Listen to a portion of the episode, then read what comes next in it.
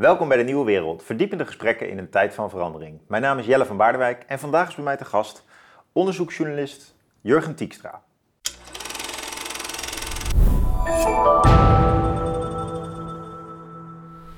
Jurgen, leuk dat je hier bent. Ja, Uit Groningen. hè? klopt. Je hebt een fascinerend boekje geschreven. Het is een boekje, maar het is toch... Boekje. Ja, het is een boekje. Maar de inhoud vind ik toch wel vrij, vrij serieus. Eh, ik hou er wel van hoor, Jurgen, boekjes. Want eh, ik vind het fijn als je gewoon iets kunt lezen in twee dagen.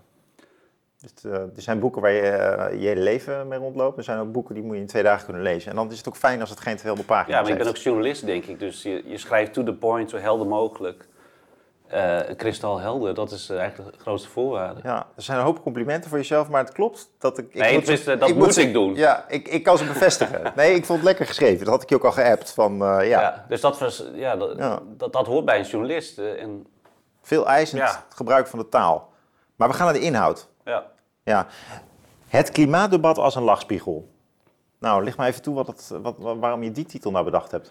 Nou, kijk, ik begon een boek te schrijven. Of ik begon aan het boek omdat ik mezelf zorgen maakte over de klimaatverandering. Dus ik lees al die krantenkoppen. En dat was, denk ik, eind eh, t- 2020. Dat ik dacht van, ik wil me nu echt e- even in gaan verdiepen. En dat heeft er ook mee te maken dat je zelf jonge kinderen hebt. En dan ook daardoor weer extra ge- gevoel hebt bij die toekomst. Van, hoe gaan zij veilig opgroeien? En eh, ik heb zelf ook in het verleden tegen vrienden getetterd van het gaat helemaal mis. Jullie weten niet hoe serieus het is. En eh, ik heb mensen als Jan Rotmans en Wouter van Dieren geïnterviewd. En eh, gewoon alles overgenomen wat zij opschreef. En Wouter van Dieren die beschreef bijvoorbeeld, eh, of die zei tegen mij van als eh, het Arktisch gebied ontdooit, dan komt er zoveel methaan vrij dat er nog maar een paar miljard mensen op aarde kunnen wonen. Dus ik kom uit die hoek, dat schrijf ik gewoon op. Ik geloofde dat ik die ernst ervoer ik sterk. En dan wilde ik graag voor mezelf nog meer duidelijkheid hebben. Hoe zit het nou? En, en aanvankelijk begon ik dus gewoon te kijken van hoe zijn we in dit, deze, dit punt van de geschiedenis terechtgekomen. En dan filosofisch, geschiedenis, eh, eh, historisch wilde ik dat gaan eh, traceren. Maar wat, die, wat je dan, waar je dan ook op, op terecht komt, is dat het klimaatdebat zelf, hoe we erover praten, hoe we de betekenis aangeven, dat dat ook heel menselijk is. En daar komt die titel vandaan, het klimaatdebat als lachspiegel. En de ondertitel, mens zijn in een warmere wereld. Van, als we even naar het klimaatdebat gaan en daarop naar kijken, dan is het ook een spiegel van wie wij zijn als mensen. We, nemen onszelf erin mee, onze eigen angsten, emoties, irrationaliteit. En daar mogen we ook soms wel even om lachen. Hoe we elkaar de tent uitvechten of te alarmistisch zijn of helemaal in de contamine gaan. Ja, Het is, het is menselijker dan we vaak doorhebben. want als je dat debat nou in een soort historische conjunctuur zou plaatsen, dan was het zo dat we eigenlijk onderbezorgd waren en eh, vrij apathisch erop reageerden. En nu is het denk ik zo dat we heel gespannen, heel, met heel veel pathos erop zitten. En inmiddels zelfs zo dat er dus eigenlijk twee kampen aan het ontstaan zijn. Als gevolg van een trend uit Amerika, denk ik. De mensen die eh, heel sterk voor een totaal ander klimaatbeleid zijn. En mensen die eh, met de hakken in het zand gaan en zeggen van, wat, wat wil je nou? Hè, er is hier toch niks eh, echt Ja. problematisch.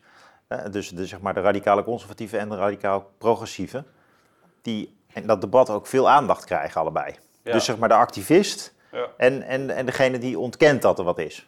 Ja, maar dan wordt de wereld dus heel zwart-wit en het is te eenduidig. Want als ik dus wat relativeer, als er een, een, een eh, hittegolf is in Amerika en ik relativeer dat, dat je misschien niet een trend kunt zien, eh, dat, het meer, dat het toeneemt of dat de attributie, dat de mens daartoe aan heeft bijgedragen, dat het niet zeker is, dan word je snel als een klimaatcepticus weggezet. Hè, dan word je een wappie als het om corona was gegaan of een, een, eh, een, een, een, een, een nuttig idioot als het om Rusland was gegaan. Maar het, het zit veel complexer in elkaar, het klimaatdebat.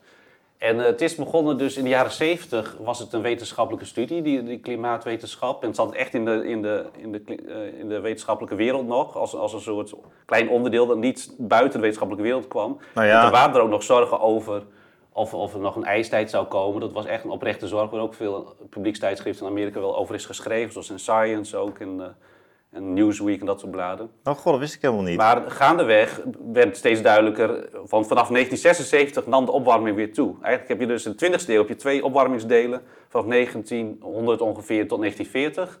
En dan vlakt het af en neemt het zelfs, stabiliseert het en neemt een klein beetje af. En daarna vanaf 1976 neemt die opwarming echt toe. En dan is eigenlijk de discussie, eh dan komt er een conclusie van, er komt geen ijstijd, nee, er komt juist een opwarming aan. En er waren mensen die dat al zeiden. En toen gaandeweg, in 1988 is heel belangrijk geweest dat je in de hete zomerdagen van juni in, in de Verenigde Staten, was het heel droog uh, en heel heet. En toen ontstond een grote zorg in Amerika. En toen heb je een congres gehad op een hele warme junidag. Ik bedoel, in het Amerikaans congres was een hoorzitting. Verschillende klimaatwetenschappers hebben hun bevindingen uh, verteld. En wat bekend is geworden was James Hansen, die was van NASA. En die zei van, ja, de opwarming zet echt door. En dus klimaatextremen zoals we nu meemaken, die zijn al zeer waarschijnlijker geworden door die klimaatverandering. En datzelfde jaar is het IPCC opgericht onder leiding van Bert Bolin, een Zweedse meteoroloog. En die heeft dat negen jaar gedaan. Maar wat je dan direct al ziet, als je zijn memoires leest, uh, in 1997 stopt hij, in 2007, vlak voor zijn dood, heeft hij memoires geschreven. Dan zegt hij al, uh, direct bij die hoorzitting met James Hansen zie je al dat er hele sterke uitspraken worden gedaan over hoe het nou precies zit. En hoe het met die klimaatextremen bijvoorbeeld zit. Maar er is een gigantische debat in de klimaatwetenschap. En James Hansen was niet iemand die een hele brede steun had in de klimaatwetenschap. Hm. Ja, dat had wel grotendeels wel gelijk, overigens. Maar wat Bert Bolen dan beschrijft is dat, dat het al vanaf het begin misgaat met te sterke uitspraken over weersextremen en eigenlijk dat er heel veel onzekerheid is. Dus mensen zoals Angela Merkel, die minister van Milieuzaken was in Duitsland, die had het al over grote klimaatextremen. Je had Margaret Thatcher, toen nog als premier in Groot-Brittannië, die deed echt hele grote uitspraken. Maar dan duidt Bert van, ja, zij wilde de steenkolenmijnen sluiten in die tijd. zat een grote gevecht daar. Dus zij kon wel een goed verhaal gebruiken om naar andere soorten energie over te gaan. En uh, nou ja, dus, dus dan zie je dus dat er, direct al een dat er direct al alarmisme is dat nog niet gerechtvaardigd is door de wetenschap. En dat benadrukt Bert Bolen voortdurend. Hij zegt, politieke wetenschap moet echt gescheiden worden, maar dat is heel moeilijk. Dat, dat, dat was zijn levenstaak om dat te doen. En dan, dus je hebt er gewoon, dus in het, mensen die zich zorgen maken, zit al, dus gaat al van alles mis. En daarnaast heb je misschien nog mensen die volledig ontkennen.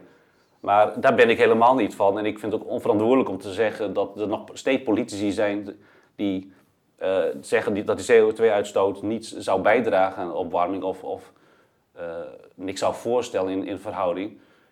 Daar ben ik echt totaal niet van. Ik ben totaal geen klimaatcepticus en we moeten die energietransitie door. Maar waar ik kijk naar het debat zelf, gewoon dat, dat uh, van, van, mensen die echt verandering willen bewerkstelligen, daar gaat heel veel mis. En het is vaak veel te alarmistisch. Ja. En, en soms veel onware feiten die ook in de journalistiek nog naar voren komen de laatste jaren. Ja, ja, daar haal je een hele hoop van, uh, van aan. Hè? Dus misschien toch wel even sappig om daar eens wat van uh, uit te serveren hier ook nog. Dus ja, ja. we hebben een aantal, bijvoorbeeld Rutger Brechtman uh, is, een, is een bekende schrijver van ja. een boekje over de... Nou, in 2020 bracht hij een pamflet uit op basis van gesprekken met waterdeskundigen. Het heet Het Water Komt. En daarin zei hij, zonder veel beschrijvingen van, dat de verwachting is 3 meter in 2100 als we niks doen. En direct heeft NRC Handelsblad erover geschreven dat dat uh, totaal niet klopt.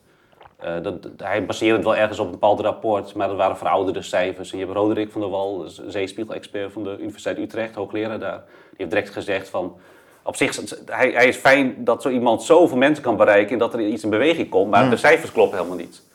En het, het, uh, bovendien gaat het om een uitstootscenario dat ook helemaal niet waarschijnlijk is. En wat vind je van zo iemand als eh, David van Rijbroek, die dan eigenlijk spreekt van een soort klimaatgenocide en vergelijkingen maakt? Ja, doet hij dat, genocide ook? Nou, dat is eigenlijk misschien meer een term uit de correspondent, bedenk me nu, maar daar schrijft hij natuurlijk ook wel eens voor. Maar, ja, David van Rijbroek is wel interessant. Want ik, ik, die, die eh, gebruikt ook grote vergelijkingen. Zoals vroeger hadden we de slavernij en uh, nu, nu claimen we eigenlijk de toekomst van mensen. Dus, dan dus- wordt het in een bepaald verhaal geplaatst en daar moet je heel erg mee uitkijken. Dan moet je bewust zijn in hoe we dan betekenis geven hieraan. En David van Rijbroek die uh, gaf een lezing hier aan de Universiteit van Leiden, die prestigieuze Huizinga-lezing. Dat was vlak nadat ik een manuscript had ingeleverd, dus het komt hier niet voor, in voor. Maar het bevestigt precies uh, wat één deel, een van mijn punten is. Dus hij uh, wordt geïntroduceerd als een van de belangrijkste denkers op dit moment van Europa. En hij is naar New York geweest om zich voor te bereiden op, op die lezing en met mensen te spreken.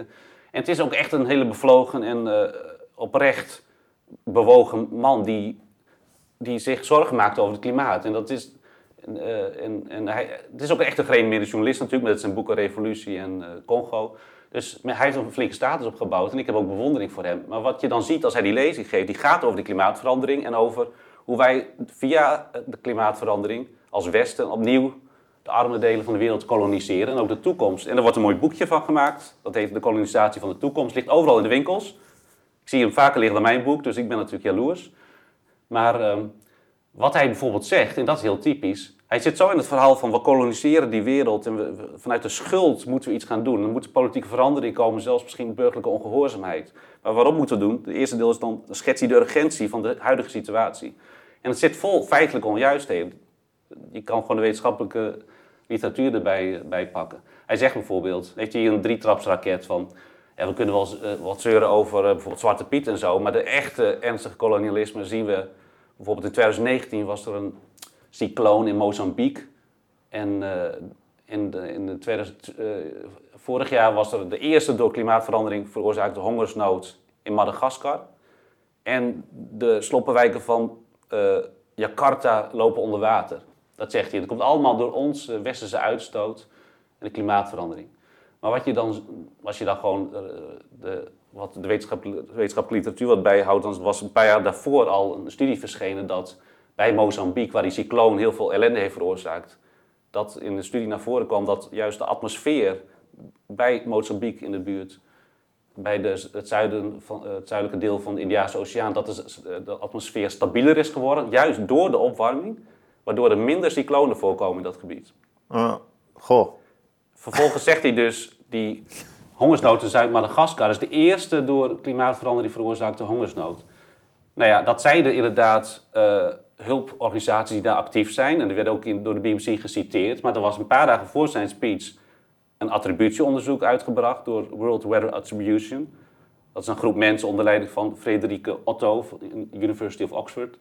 Echt een hoog aangeschreven club mensen. Die hebben gezegd, het komt niet door de klimaatverandering.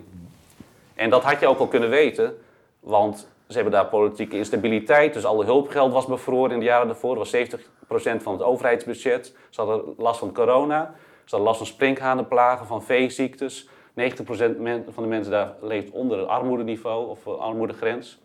Het heeft, en het is, kijk, er was droogte, maar het kwam niet door de klimaatverandering. En dan heb je bijvoorbeeld Jakarta.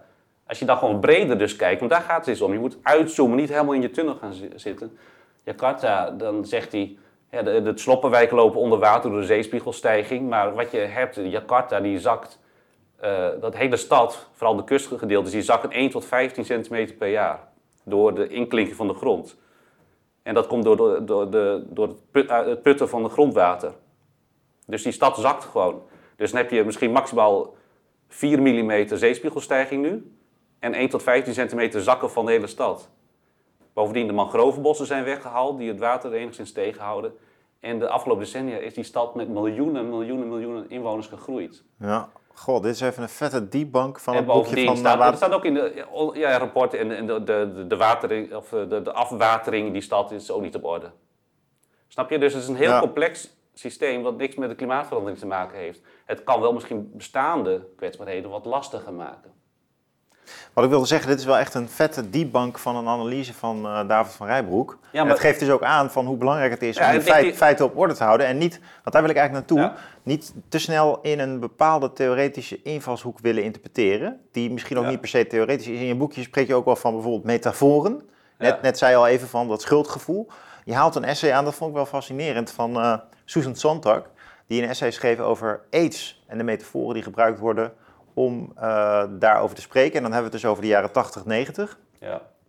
Uh, met die AIDS-epidemie. Wat, wat haal je precies uit dat essay? Kan je dat dus, en kan je dat eens toespitsen op inderdaad de retorica van waarin het klimaatnieuws gebracht wordt? Ja. Dus dan hebben we het niet over de feiten waar we het net over hadden, maar over de interpretatie daarvan in aantrekkelijke beelden voor een breder publiek.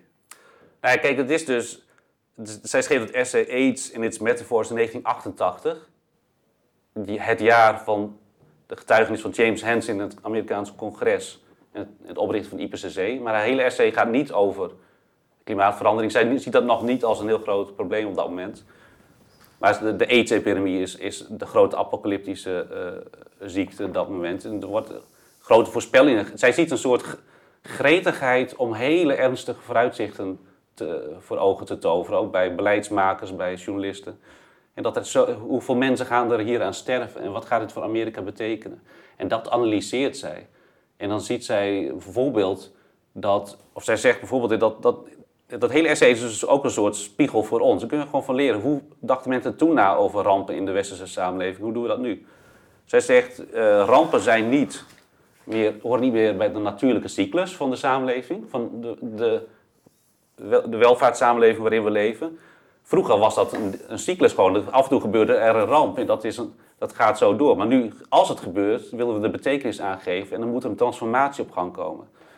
Dus we gaan het in de betekenis plaatsen dat er verandering moet komen door die crisis.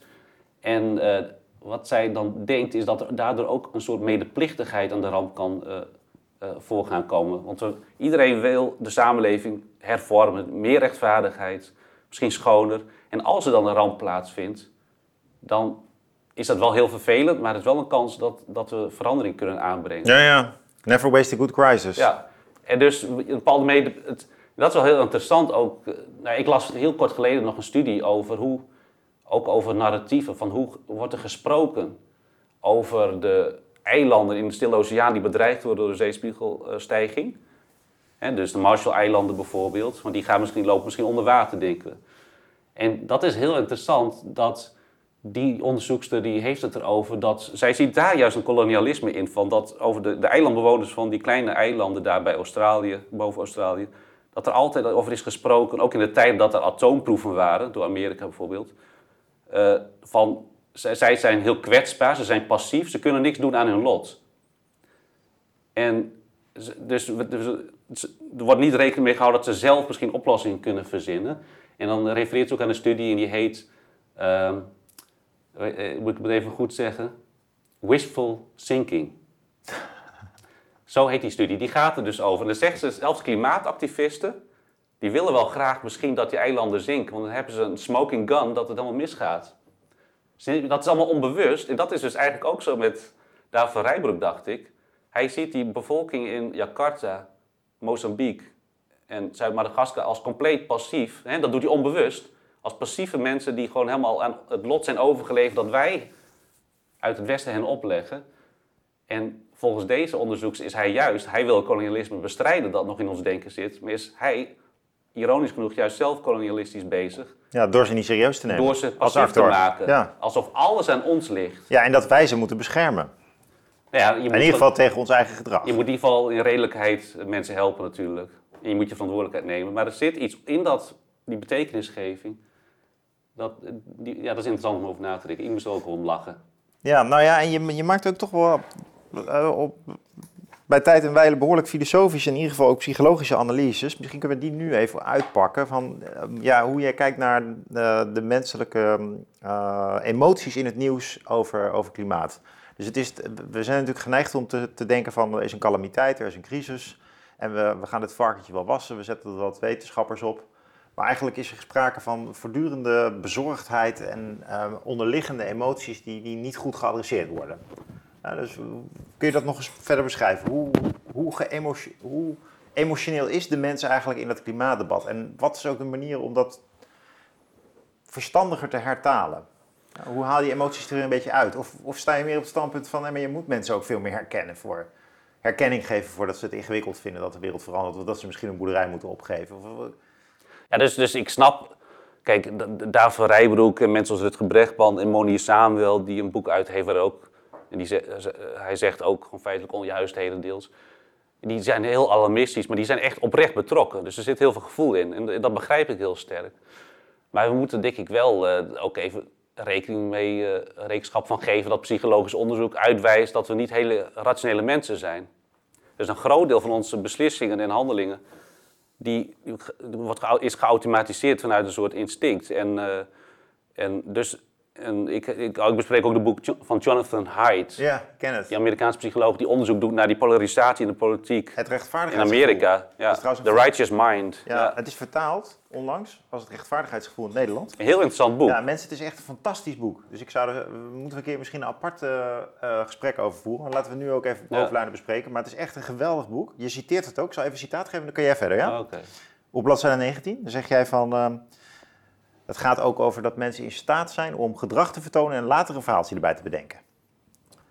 Als je post hoc rationaliseren in actie wil zien, kijk gewoon naar de perswoordvoerder van de president of premier wanneer die vragen van journalisten beantwoordt.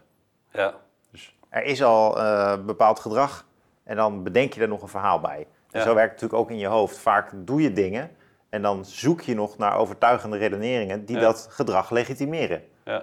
Achteraf. Post hoc, eh, zegt hij, ja. Dus daarom is het ook zo moeilijk om elkaar te overtuigen. Want iedereen herkent wel van je hebt een discussie over iets en je bestrijdt misschien succesvol een argument dat iemand eh, tegenwerpt, maar dan komt een volgende argument. En, of een en dan nog een punt. Er zijn altijd weer nieuwe punten die opduiken. En Rutger Brechtman die zei ook een keer tegen mij, dat is de koppen van die hydra die steeds weer, moet je allemaal afslaan.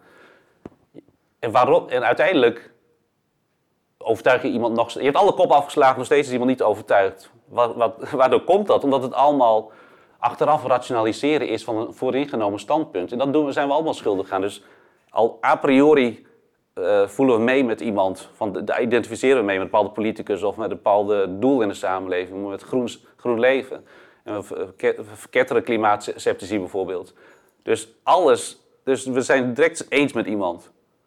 En daarna, dat hebben we haast niet door. Dat gaat zo snel en daarna gaan we rationaliseren van waarom diegene gelijk heeft. Dus we moeten er rekenschap van geven dat we ook op emotioneel niveau geïnvesteerd zijn in bepaalde m- kijken op de werkelijkheid. Eh, dat, daar identificeren we ons mee met duurzaamheid bijvoorbeeld, of juist met Ja. anti-overheidssentimenten. Of... En het probleem is dat hoe het nieuws gestructureerd is. Jij werkt veel voor Elsevier en de VIP. Nee, ja, ik heb er wel eens voor geschreven. Oh, je hebt er wel eens voor geschreven.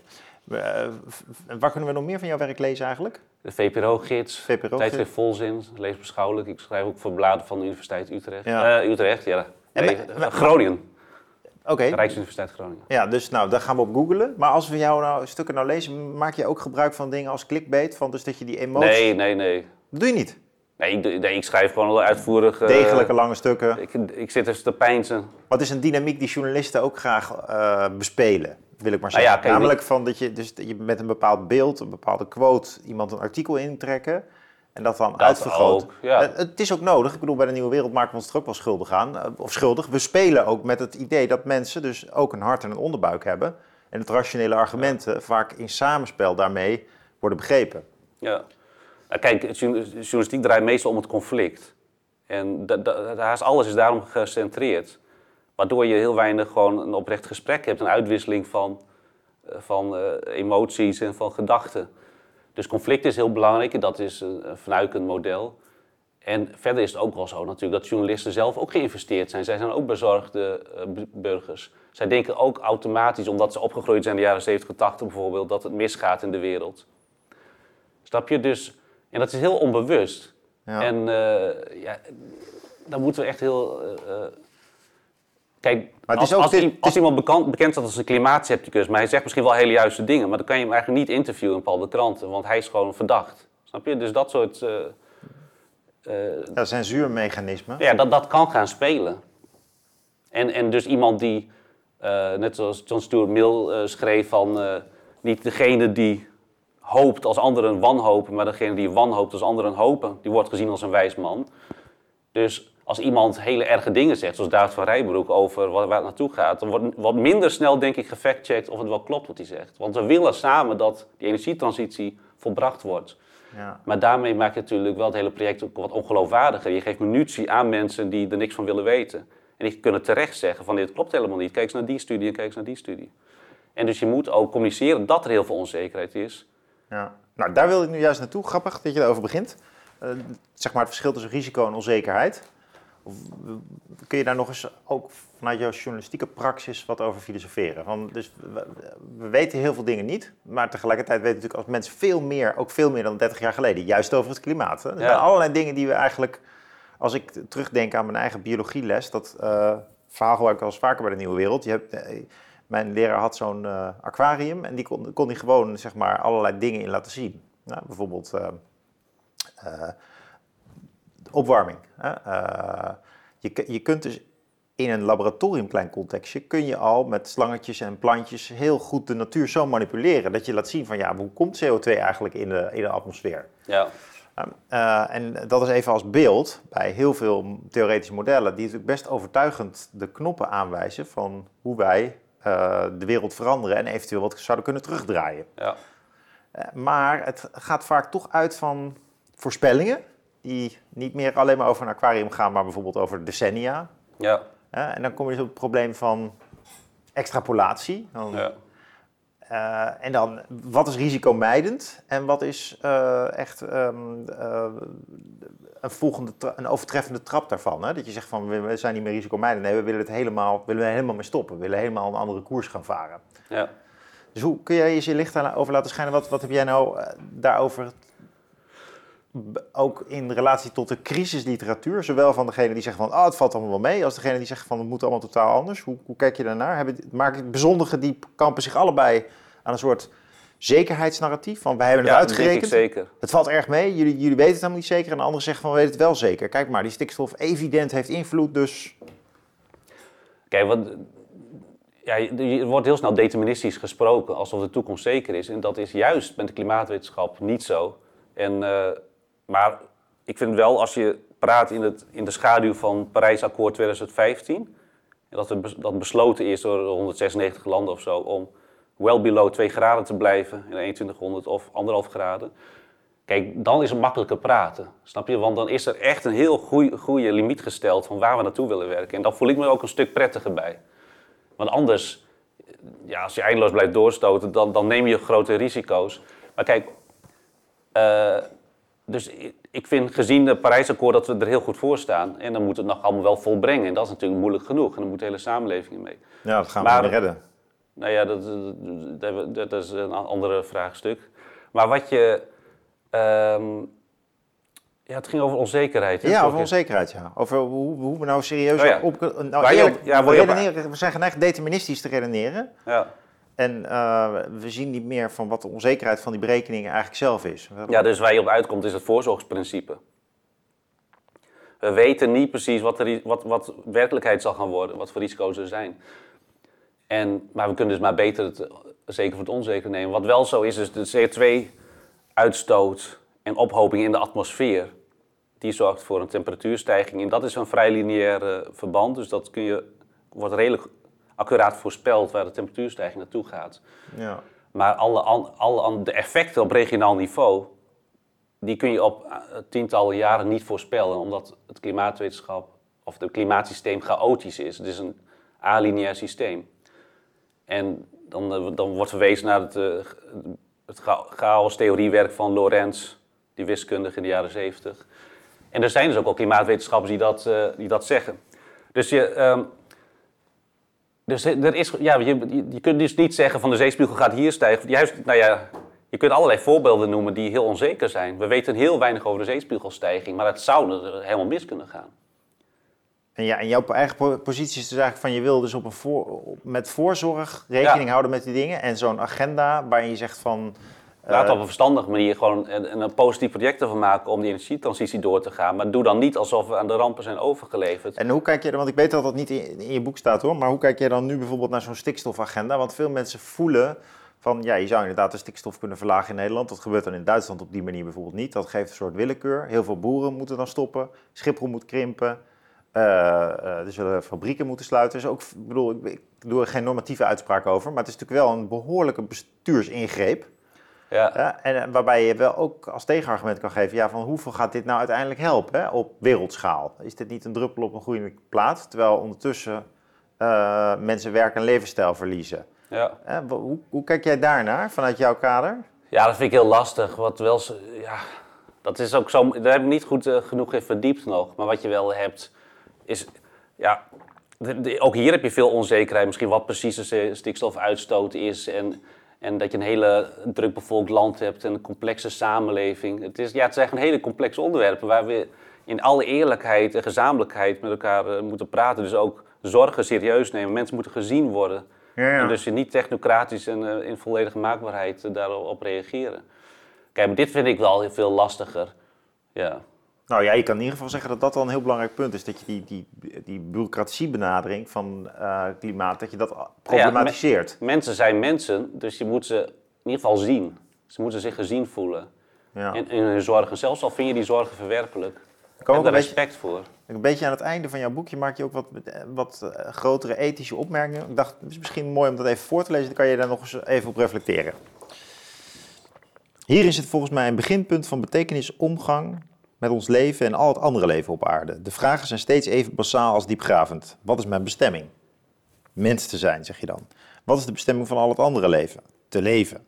Wat is de bestemming van de aarde? Een aarde te zijn. Hoe kan ik mijzelf recht doen? Door mijzelf de ruimte te geven mens te zijn. Hoe doe ik recht aan het leven om mij heen? Door dat leven de ruimte te geven te leven. Hoe kan ik de aarde recht doen? Door de aarde de ruimte te geven om aarde te zijn. Ja. Uh, eigenlijk best um, emotionele en grote woorden aan het eind van een boek, waar je ook wel anderen juist terecht wijst op een grote woorden. Maar ik, er zit een, er zit ja, dat is een even een apart stukje. Er zit een appel in.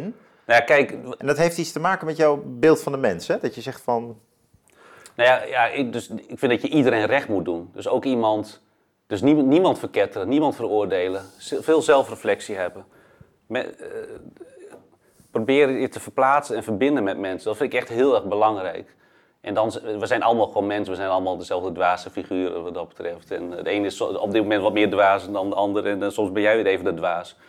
Ja, dus daarom moet je, uh, verketteren elkaar daarom niet. Maar wat ik hier ook beschrijf is dus, dus uh, ik, ik zie dan de klimaatverandering als een schaduweffect van het project van moderniteit. Hè, die met de wetenschappelijke revolutie begon in de 17e eeuw met Descartes en Francis Bacon en Newton.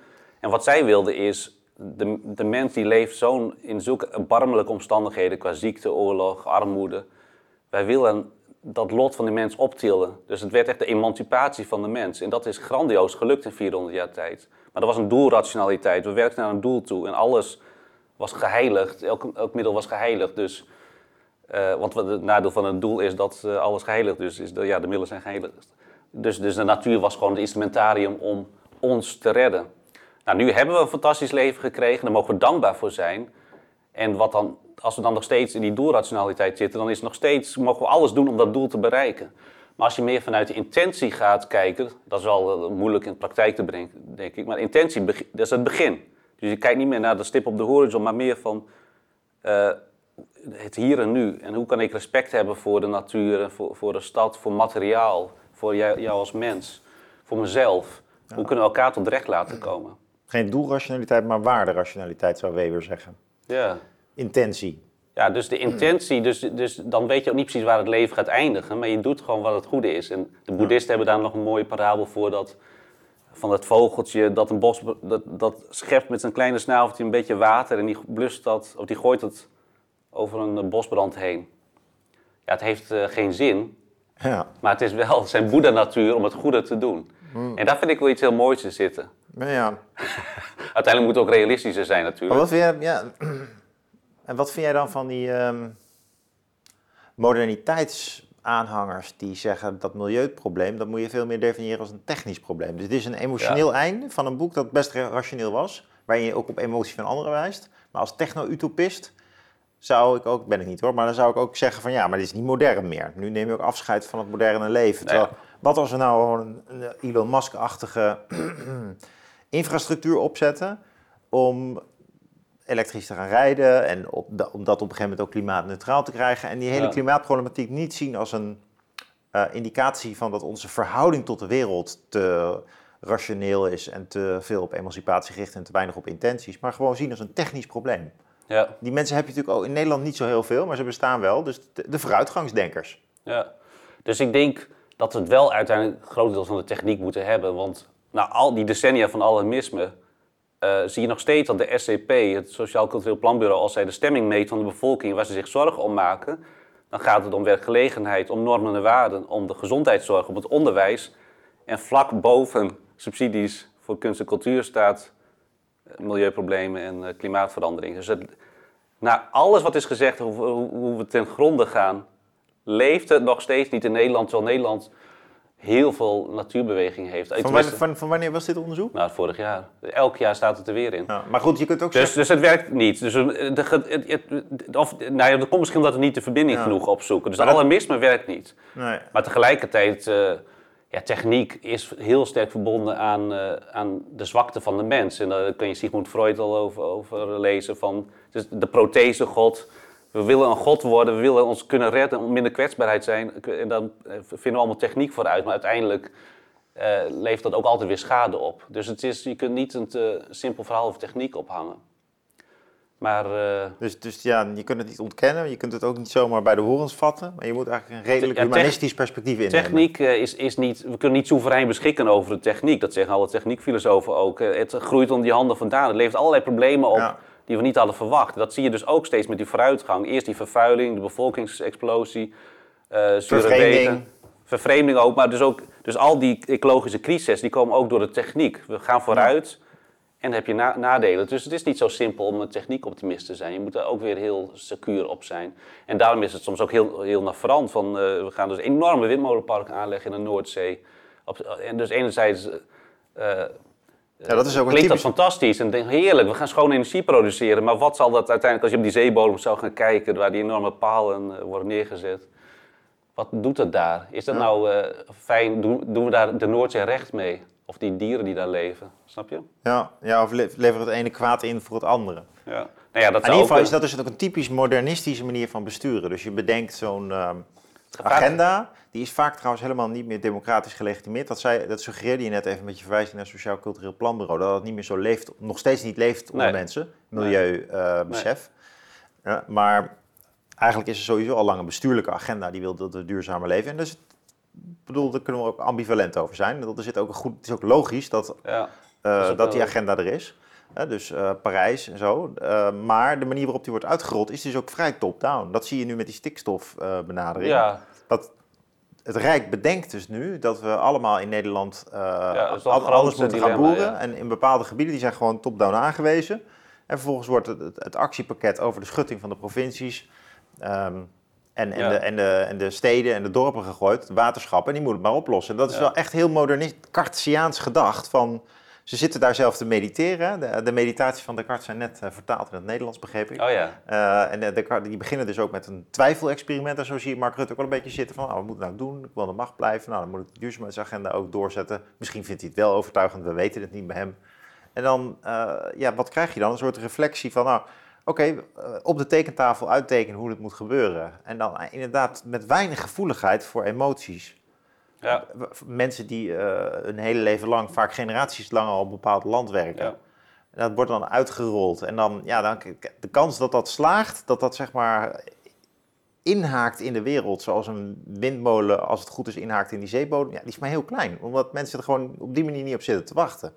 Ja, dit is al, dus al ook een probleem dat eh, ook weer veel breder is dan de klimaatverandering. Want je, als, als die, de moderne staat in de 19e eeuw opkomt, hè, die eenheidsstaat, dat al het bestuur naar één centrum wordt getrokken in het land, in, in ons geval naar Den Haag, dan, en langzamerhand wordt die verzorgingsstaat opgebouwd, ook al eind 19e eeuw, dan, dan, dan zit er al, al snel een paternalisme ingebakken. Dat komt er haast in mee. Dat is direct het gevaar Ja. van dat alles wordt besloten voor de, samen, voor de bevolking wat het beste is. En Joachim Radkau, dat is een Duitse milieuhistoricus, die beschrijft ook dat eh, ook in die ecologische crisis en de oplossing daarvoor, dat ook die centralisering van de macht dat een gevaar is en dat mensen daar bang voor zijn, dat dat steeds terugkomt. En als je dan die conservatieve bewegingen hebt die juist zijn opgericht om tegen te grote staatsmacht eh, te protesteren, die antirevolutionaire bewegingen in de 19e eeuw, Abraham Kuyper, Ja. en nu Thierry Baudet natuurlijk, en ook de ChristenUnie en de CDA hebben daar misschien nog wat van. Nou, er zijn heel veel partijen die in de kern best decentraal, een warm hart toedragen aan decentrale organisatie. Maar- Dus, dus, Dus, maar je, hebt zo, je moet respect hebben voor dat wantrouwen dat er is. En zo heb je allerlei krachten in de samenleving. De ene is meer van de maakbaarheid en we gaan het allemaal fixen. De andere ziet ook de tragiek van het bestaan.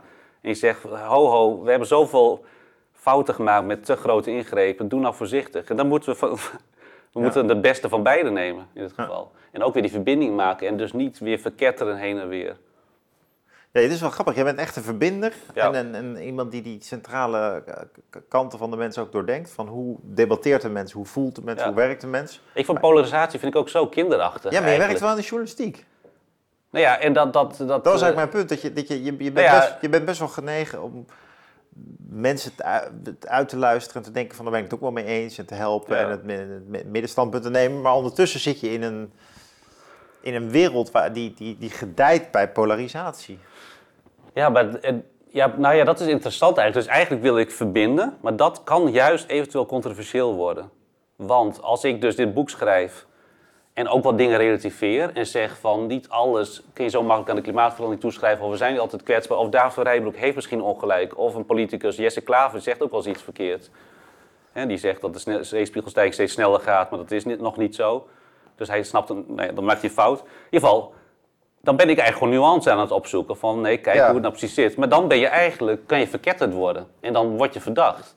En dat is wel heel verdrietig, vind ik. Ja. Dat je, nou ja, je denkt van jezelf dat je oprecht bezig bent en juist steeds het midden probeert te vinden, of het midden als het gerechtvaardigd is, hè, maar de nuance zoekt. ja. Kijkt, wat zijn nou de feiten en een begrip hebben voor elkaars eh, zorgen. Dus je wil eigenlijk... Dat je maar- dan juist controversieel bezig bent. Dus jouw, jouw boek heet Klim- Klimaatdebat als eh, lachspiegel, maar eigenlijk is het een meer feitelijke uitspraak. Het klimaatdebat is een tranendal. Of een treurige clown. Een treurige clown, ja. En jij, en jij, probeert, wel, ja. jij, jij, jij probeert die lach er weer in te brengen.